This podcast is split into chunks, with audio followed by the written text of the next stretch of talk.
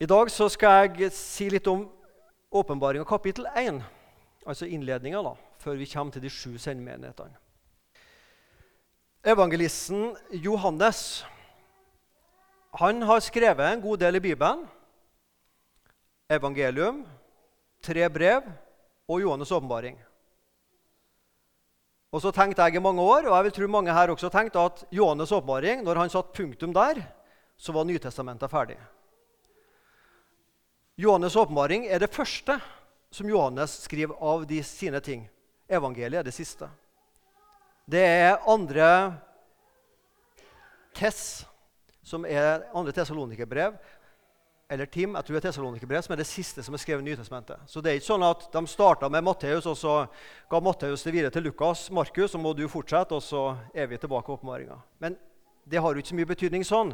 Men han har i hvert fall skrevet fem ting, fem brev i Skriften Johannes. Gud har noe viktig han vil ha si til sju menigheter i dagens Tyrkia. Menigheter som eh, er ca. 40 år gamle. Som består av andre og tredje generasjons kristne. Der mange er oppdratt i den kristne forsakelse og tro, som vi sier når vi døper barna våre. Og kanskje mange av dem som gikk i disse menighetene nå rundt år 90 etter Kristus, ikke sjøl hadde vært gjennom så veldig sterk vekkelse i livet, men har måtte, blitt oppdratt i den kristne tro. Og jeg snakker ikke ned det, men kanskje ikke sjøl vært gjennom disse radikale omvendelsene. Kanskje. Alltid levd i troa, bekjent seg som kristne. Og kanskje ikke alle hadde opplevd den store overgangen fra hedenskap til kristendom fordi man har levd i menigheten hele sitt liv.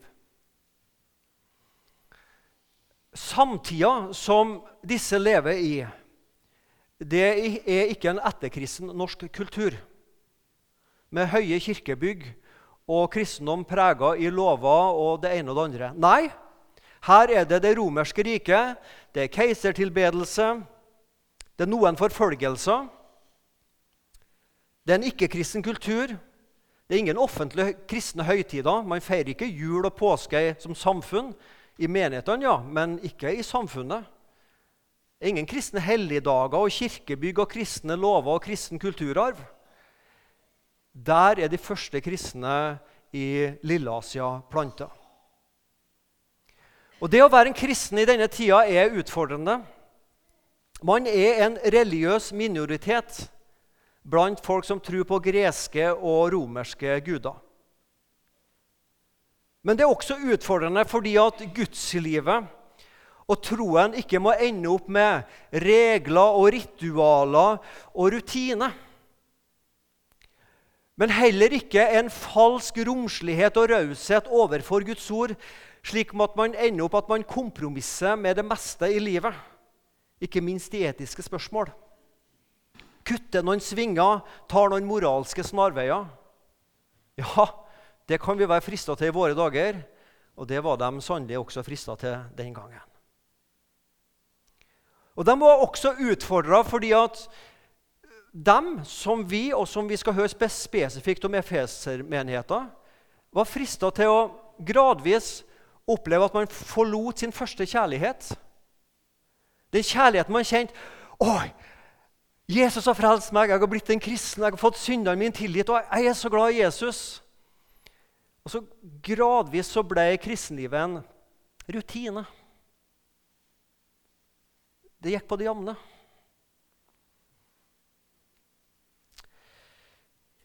Johannes skriver brev. Og han starter med å skrive dette er Jesu Kristi åpenbaring, som Gud ga ham for at han skulle vise sine tjenere det som må skje i hast. Eller som det står i en annen oversettelse det som snart skal skje. Og Det ordet som her brukes for åpenbaring, det er ikke det vanlige ordet som du finner ellers hos Paulus og andre når de bruker ordet åpenbaring. Det er et annerledes ord. Og det ordet er apokalypse. Dette er Jesu Kristi apokalypse. Og så ser du jeg har satt på noen bilder her. Apokalypse andre verdenskrig. Det fins en TV-serie som heter 'Apokalypse'. Den første verdenskrig. Og Hvis du googler apokalypsefilmer, så hopper du opp det ene det andre filmer som beskriver verdens undergang. En av disse filmene heter 'Harmageddon'. Og Den henter jo tittelen sin fra Johannes' åpenbaring 1616. Og I dette apokalypse, første og andre verdenskrig, så er det episoder som heter helvete og inferno. Også begreper som vi kjenner fra åpenbaringa og Bibelen. Så apokalyptiske filmer det er sånn Verdens undergang er her. Det kommer noen eh, grønne menn utenfra eller et eller annet roboter, eller noe sånt, og så er det verdens undergang og noe atomvåpen. Er det noen som kan redde oss? Ja, det kommer en helt eller heltinne som redder jorda fra verdens undergang. Det er jo disse typiske apokalypsefilmene. Johannes' åpenbaring er også en apokalypse om hva som skal skje. Og det er likheter og selvfølgelig ulikheter med disse filmene. Ja, verden skal gå under. Menneskeheten det går mot, eh, Utviklinga går mot avvikling av denne jorda. Men de troende skal reddes, skal berges. Og det fins en helt, og han heter Jesus Kristus. Men vi blir frelst gjennom prøvelse og trengsler og lidelser. Selve ordet apokalypse det betyr bare å dra et forheng til side. Så når du har hatt for gardinene på, på, kvelden og morgenen tar dem fra, så er det en apokalypse. Du bare åpenbarer det som er bak gardina. Så Sånn sett kan jo ordet brukes veldig nøytralt. Men i Bibels sammenheng så handler det om at Gud drar et forheng til side og lar Johannes se noe inn i evigheten hva som snart skal skje. Og vi venter jo fortsatt 1900 år etter dette skrevet, så venter vi jo fortsatt på at det skal skje. Og kanskje noe av det som Johannes har skrevet om, har skjedd. Fordi Johannes han skriver i et billedspråk. Og det er ikke alltid lett å finne paralleller mellom det billedspråket han bruker, og historiske begivenheter. Og det skal vi også være litt forsiktige med. For det er jo alltid fristende å ta Johannes' åpenbaringer inn i akkurat den tida vi lever nå i Norge. Hvordan passer Johannes' åpenbaring med liksom 2019 Norge? Ja, men eh, jeg tror ikke akkurat Johannes eller Jesus tenkte på Norge 2019 når det her ble skrevet. Det er jo skrevet til alle tider og alle folk.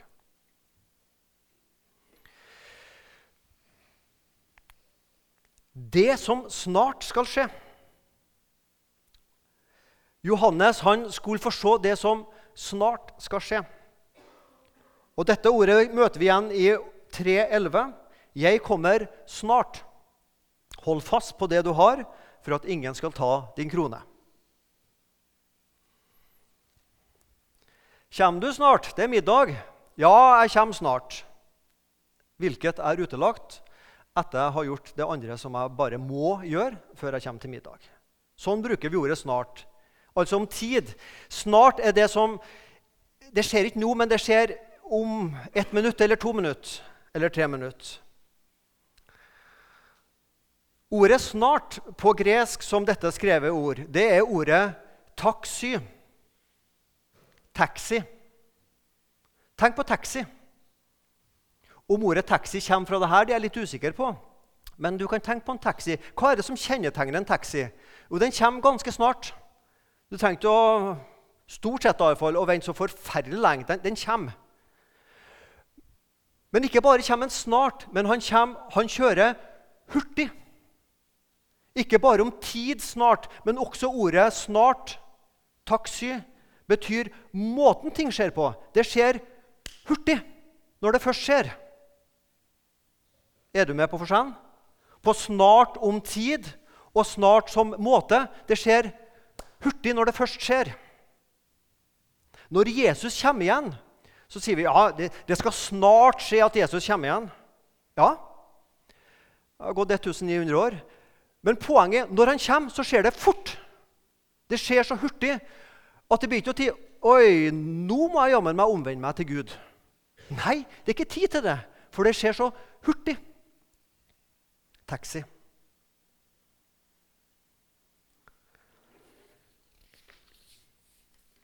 Jesus kommer snart. Han kommer hurtig når han kommer. Det er ingen tid til å tenke seg om. Hold fast på det du har, for at ingen skal ta din krone. Det skal skje så hurtig at du må, du må holde fast på troa. For det kommer til å skje så hurtig at du ikke mister det du har. Paulus skriver i 1. Korinterne 15 når Jesus kommer igjen, så vi skal alle bli forvandlet i et nu, sier Paulus. I et nu.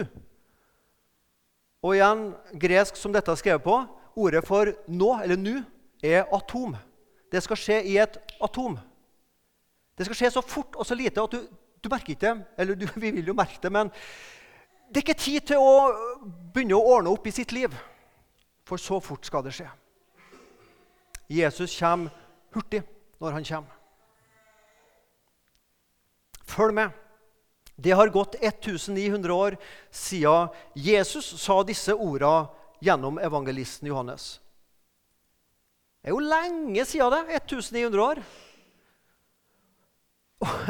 Og vi kan tenke ja, det kommer sikkert, ja, Jesus kommer jo igjen. Ja, vi tror jo på det. Men 1900 år, ja, det tar nok sikkert en stund til før han kommer. Og det dryger sikkert. og Vi har sikkert fortsatt god tid. Og det kan godt hende vi har. Men poenget er du får ikke betenkningstid når det først skjer, for det skjer så hurtig. Det vil si, vi må være klar nå. For når det skjer, så er det for seint å gjøre seg klar. Følg med, hold deg våken, lytt aktivt, se nøye etter ting, tegn i tida som tyder på at Jesu gjenkomst er rett rundt hjørnet. Du får ikke betenkningstid.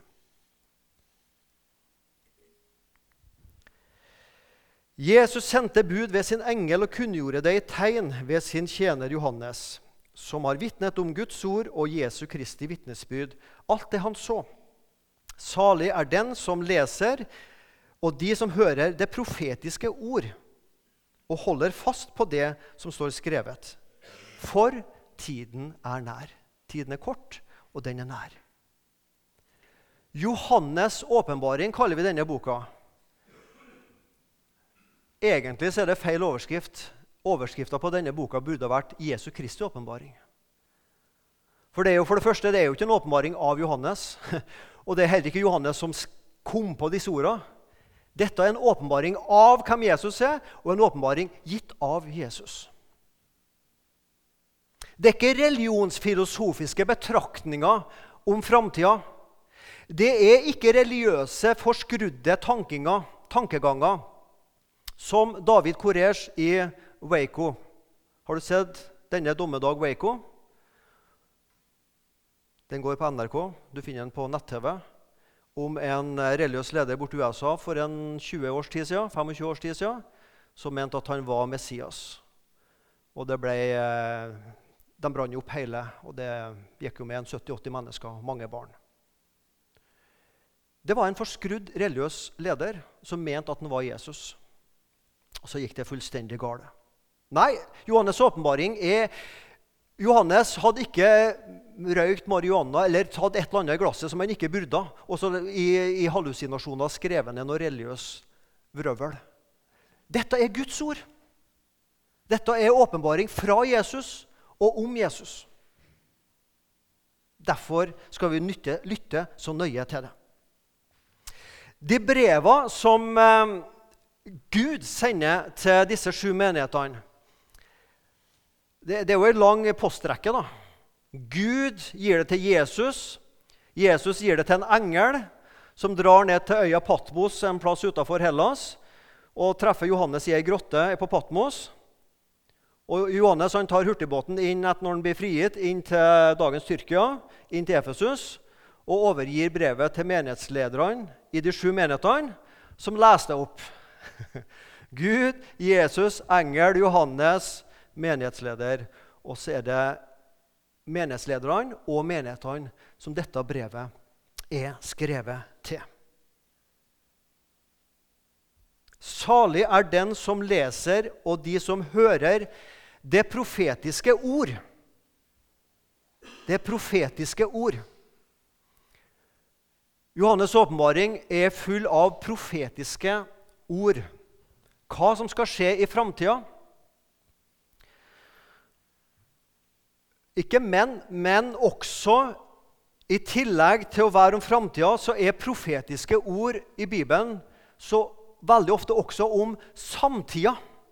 Ikke bare det som skal skje i kikkerten 2000 år fram i tid i Europa, men det som skal skje i nær samtid, taler Gud sine profetiske ord inn i. Det som ligger rett foran oss. Derfor er profetiske ord aktuelle, for de treffer den tida vi lever i. Situasjonen i kirka akkurat nå. Og de sju sendemenighetsbrevene de avslører jo situasjonen i menighetene sånn som den var akkurat nå, da de mottok dem. Det var sannheter de sjøl ikke var klar over. Det var profetiske ord, er altså ikke bare spennende lesning om spektakulære begivenheter i framtida.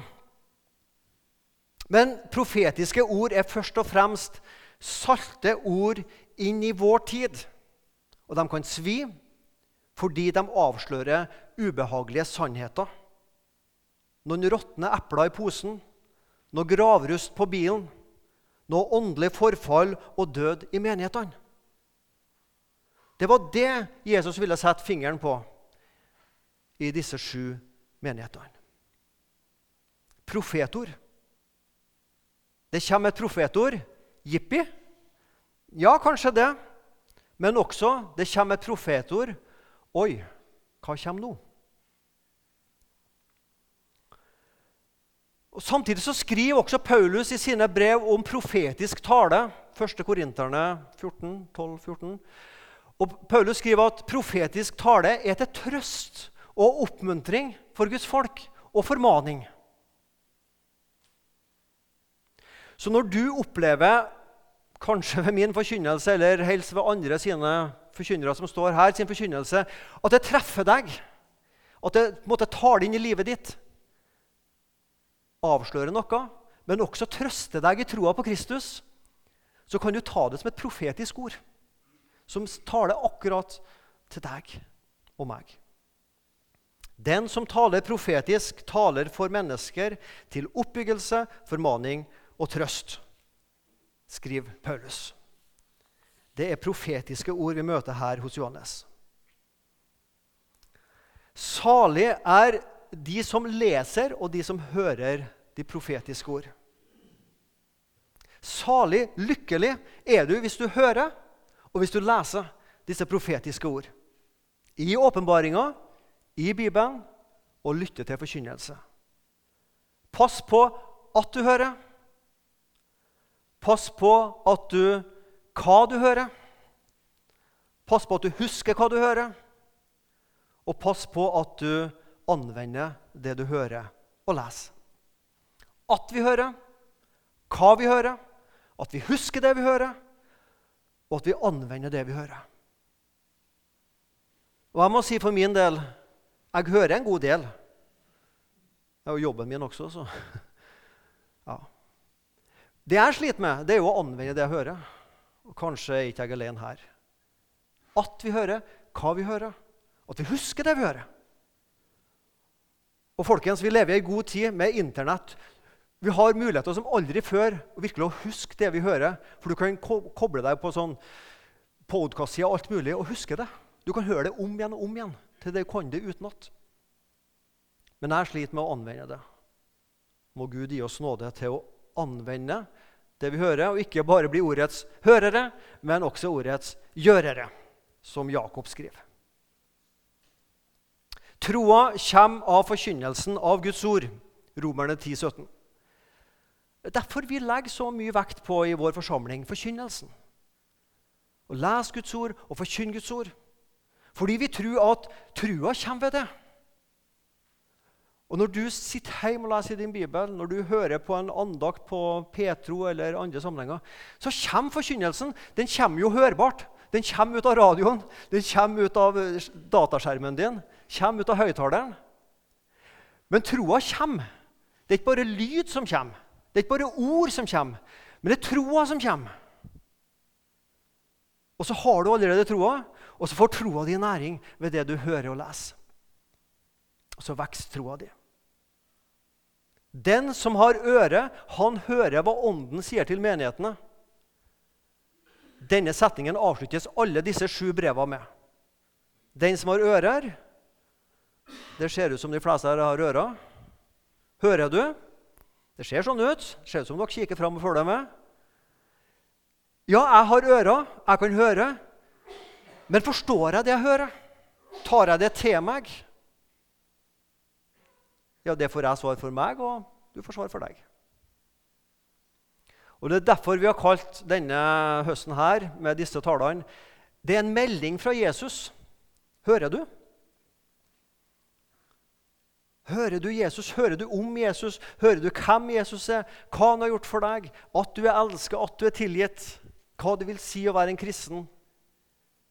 Hører du Guds lov når den taler sannheten inn i vårt liv om synd? Hører du evangeliet som frikjenner deg? Da er vi salige.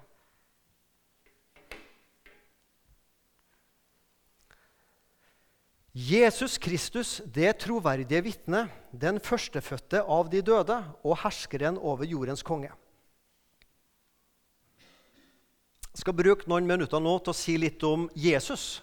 Hvem er Jesus, ifølge Johannes' åpenbaring kapittel 1? Han er et troverdig vitne. Han er den førstefødte av de døde, og han er herskeren over kongene på jorden. Vers 5.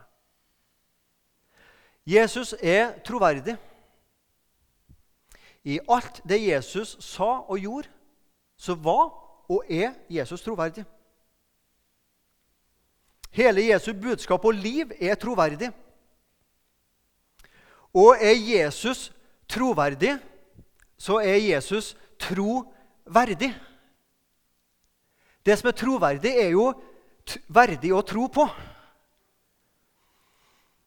Hvis en av dere kommer til å si vi møtes i morgen klokka tolv der og der, og jeg møter opp, og du kommer ikke før klokka halv ett eller ett og har en dårlig forklaring, så begynner jeg å tvile på deg og din troverdighet. Eller hvis det var jeg som kom for seint, så begynner du å tvile på meg. Men den som holder det man lover Og nå snakker jeg helt menneskelig. Hvis et menneske sier ja, det mener jeg, og det kommer jeg til å gjøre, og det mennesket gjør det, da får du tillit til det mennesket. Det er troverdig, og det mennesket er troverdig. Ikke at vi tror på hverandre sånn som vi tror på Jesus. Ikke sant? Det er ikke det. Men det handler om tillit. Og Jesus har vist seg tilliten verdig. Han har holdt det han har lovt. Og det er få ting som står igjen. Og Den viktigste tingen det er jo at han skal komme igjen. Og Det som Jesus har gjort før, har han vist seg tilliten til. Troverdig. Og Derfor er det troverdig at Jesus også vil komme igjen snart i tid og snart med måte hurtig. For det andre han er den førstefødte av de døde. Det er en fin måte å skrive på om oppstandelser. Den førstefødte av de døde. Jesus har blitt den første av en helt ny slekt. Oppstandelsesslekten. Vi er oppstandelsens barn. Vi tilhører en ny slekt på denne jorda. Vi har fått del i oppstandelsen. Og vi er allerede nå plassert med Gud i himmelen, med Jesus i himmelen. Vi er oppstandelsens barn. Vi er håpets barn. ikke det bra? Ja. Vi har fått del i et helt nytt liv, oppstandelseslivet. Vi vet vi skal dø en dag hvis ikke Jesus kommer igjen i vår levetid. Jeg vet at denne kroppen skal gå til grunne en dag. Jeg vet at jeg skal grånes med åra, og så forsvinner vi. Men jeg er en del av oppstandelsesslekta. Jeg har fått del i det evige livet. Og det har du også. Det er håp, folkens. Disse første kristne som las disse brevene, de var pressa på alle mulige måter. Det var ikke veldig stilig og kult å være en kristen for å bruke sånne moderne uttrykk. og langt ifra. Men de visste vi har del i noe mye bedre. Vi er en del av oppstandelsesslekta, håpets barn. Og Jesus er den førstefødte av de døde. Og vi er neste slekt som skal følge på. Han er den førstefødte. Og så er Jesus herskeren over kongene på jorden. Det er sagt til trøst for, til forfulgte kristne. Det var konger, det var keisere, det var landshøvdinger som gjorde livet surt for de første kristne.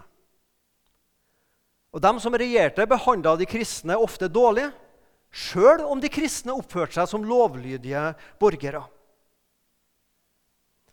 Da skulle de kristne vite og trøste seg med følgende tanke.: Vår frelser er en god og en evig konge, som er konge over jordens ofte dårlige herskere. Vi er heldige i Norge som har gode herskere. Det er ikke vanskelig å finne, bild, eh, å finne, i nyheten land som har dårlige herskere, uten at jeg skal sette navn på dem. Det, det, det leser vi om. Vi er heldige i Norge. De første kristne var pressa av dårlige ledere som behandla dem dårlig. Men da skulle de vite du skal trøste dem med denne tanken. Han som vi tror på, han er herre over disse dårlige kongene. Og disse dårlige keisere og landshøvdinger de skal en dag legges i grav.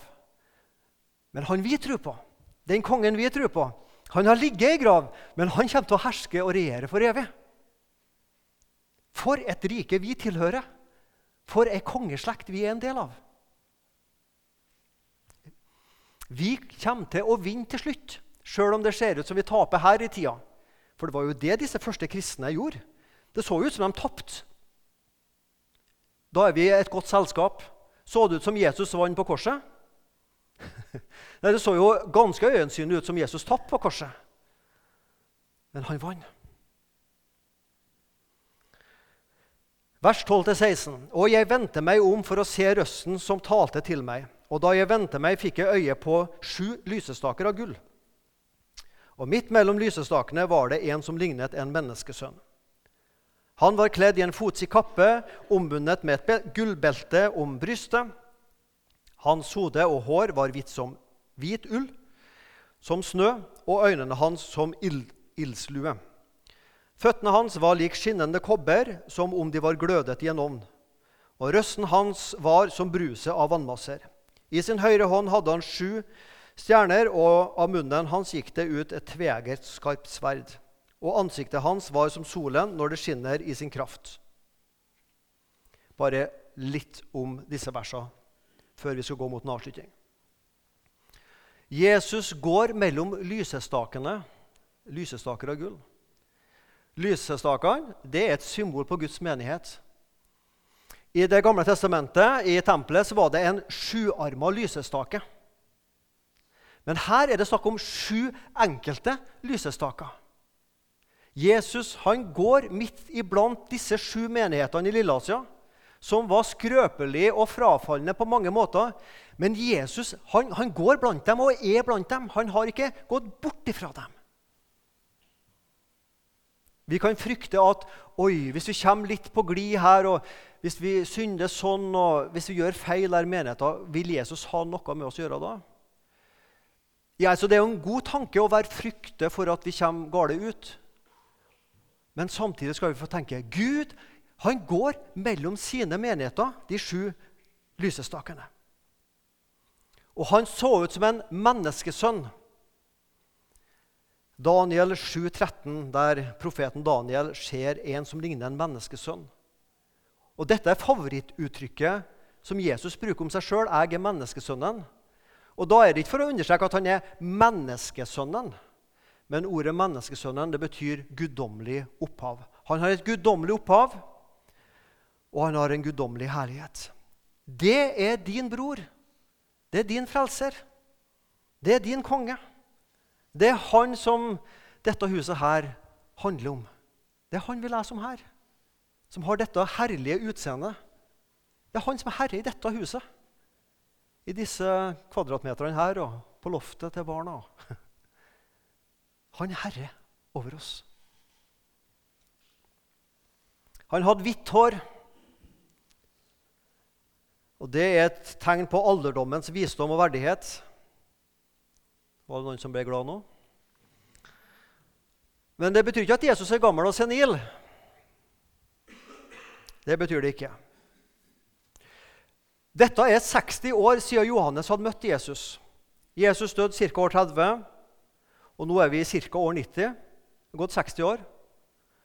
Jesus kunne jo bare komme sånn som han var for 30 år siden og sagt «Jeg ser jo på deg, Johannes, du har blitt mye gamlere. Jeg holder meg godt, vet du, men du Johannes, du har jo blitt 60 år gamlere. Det var jo lett for Johannes å kjenne igjen Jesus sånn som han var for 60 år siden. Men det er en annerledes Jesus. Ikke i personlighet, ikke i ja, Det er den samme Jesus vi alltid har, men han framstår på en herlig måte. Han er herre. Han er konge. En herlig skikkelse. Vi har som vår konge. Øynene var varme, energi og lys. Det var som ild. Han ser fortsatt like godt Jesus i 2019 som han gjorde i år 90 etter Kristus. Føttene er som kobber med tyngde. Det merkes når Jesus kommer. Det er tyngde over Jesus. Stemmen er som bruset av vannmasser. Det høres. Det er ingenting som kan overdøve Jesus. På vår hytte er det ganske stilt, for det, det bor ikke noen folk rundt der. Der kan vi høre stillheten, men av og til så tar jo bekken da ganske, ganske stor. så Da hører vi bruset som bryter. på en måte. Jesus er som veldige vannmasser. Men det er ingenting som kan overdøve Jesus på denne jord. I sin høyre hånd så holder han menighetene og menighetslederne. Høyre hånd er et bilde på kraft og styrke. Og ut fra munnen så går det et skarpt, tveegget sverd. Og Da er det mange av oss som tenker på Hebreerne 4,12. At Guds ord er levende og virkekraftig og skarpere enn noe tveegget sverd. Det, altså det sverdet, det Guds ord, trenger gjennom til det kløver sjel og ånd, marg og bein, og dømmer hjertets tanker og planer.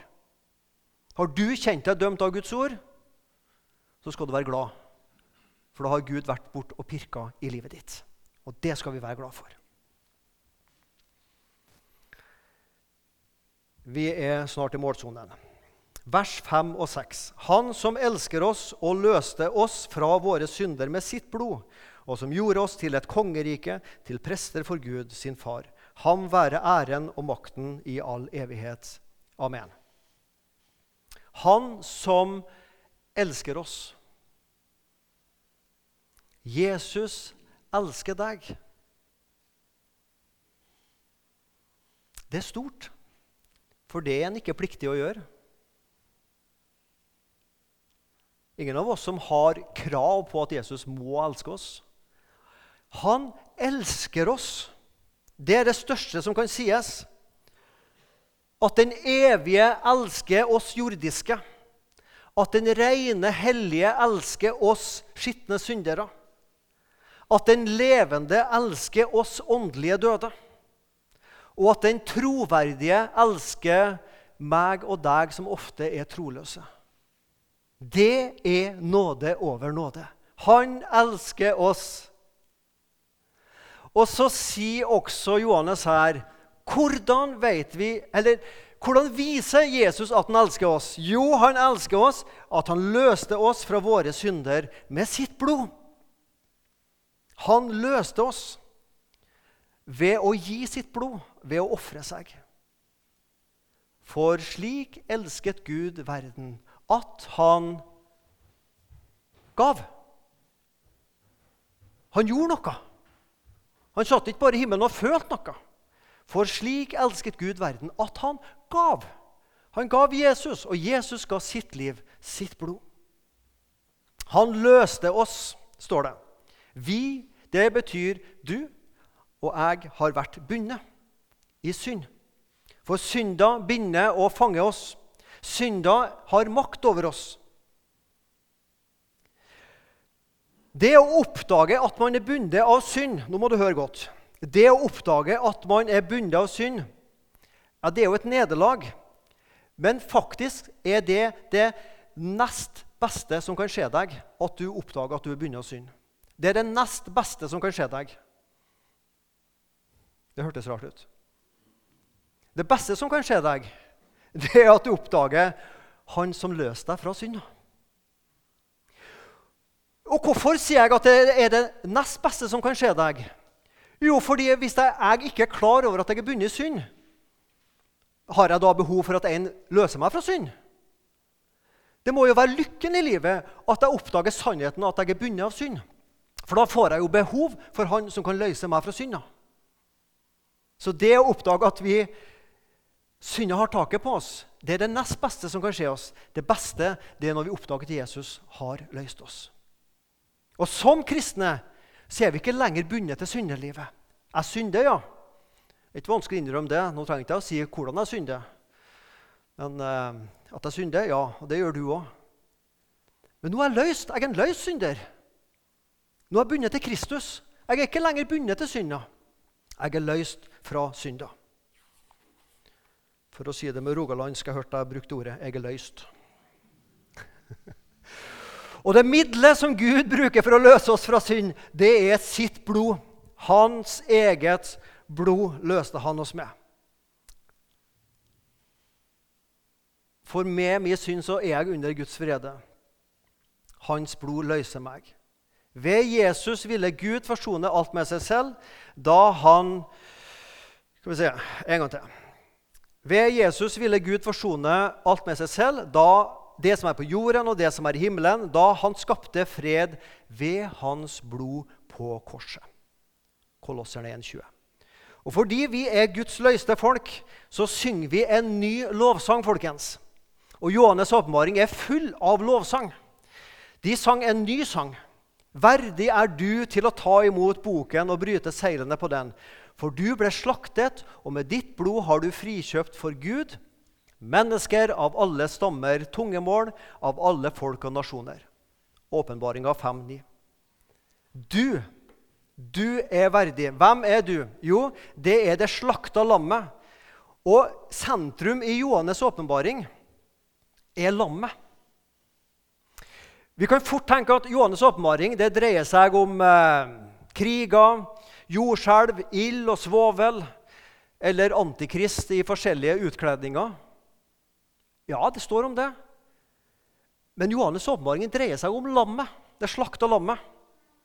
Og ordet lam, lammet, møter vi 33 ganger i Johannes' åpenbaring. Det er sentrum. Og at dette lammet er slakta for våre synder. Amen. Og Gud gjorde oss til et kongerike, til prester for Gud og sin far. Hvordan ser du på deg sjøl? Ser du på deg sjøl som en konge, som en prest, som en del av et kongedømme, kongerike? De første kristne som bodde i Efesus og Laudikea og disse menighetene Jeg tviler på at deres naboer, jeg tviler på at din nabo tenker når han ser over hekken til deg, at der bor det et kongebarn. Der bor det liksom en, en som er del av en kongelig slekt. Men det er det som er sannheten om oss. Og vi må i hvert fall starte med å se på oss sånn sjøl. For det er det Gud sier. Du er en prest for Gud. Du er en kongebarn. Du er en konge, du er ei dronning i Guds rike. Ikke mine ord. Det er ikke Johannes sine ord engang. Det er Jesus sine ord. Til sløve kristne som holder på å miste evnen og viljen til å høre og lese Guds ord, så sier Jesus.: Våkn opp, omvend deg, søk tilbake til den første kjærligheten til meg. Søk på nytt den første kjærligheten jeg viste deg på korset da jeg løste deg der fra syndas skyld og makt. Tro evangeliet. Til sløve kristne men også til forfulgte kristne, så sier Jesus om du ikke kan se det, så i alle fall tro det. At jeg har gjort deg til prest for Gud, til et kongebarn i Guds kongerike. Det riket som ikke noe antikristelig regime på denne jord eller sataniske eller demoniske krefter skal klare å overvinne. Det trenger vi også å høre. Og når vi hører det, så sier vi sammen det som står her. Og vi svarer, all ære til lammet som ble slaktet for våre synder, til Han som er alfa og omega, Han som er og som var og som kommer, den allmektige. Amen.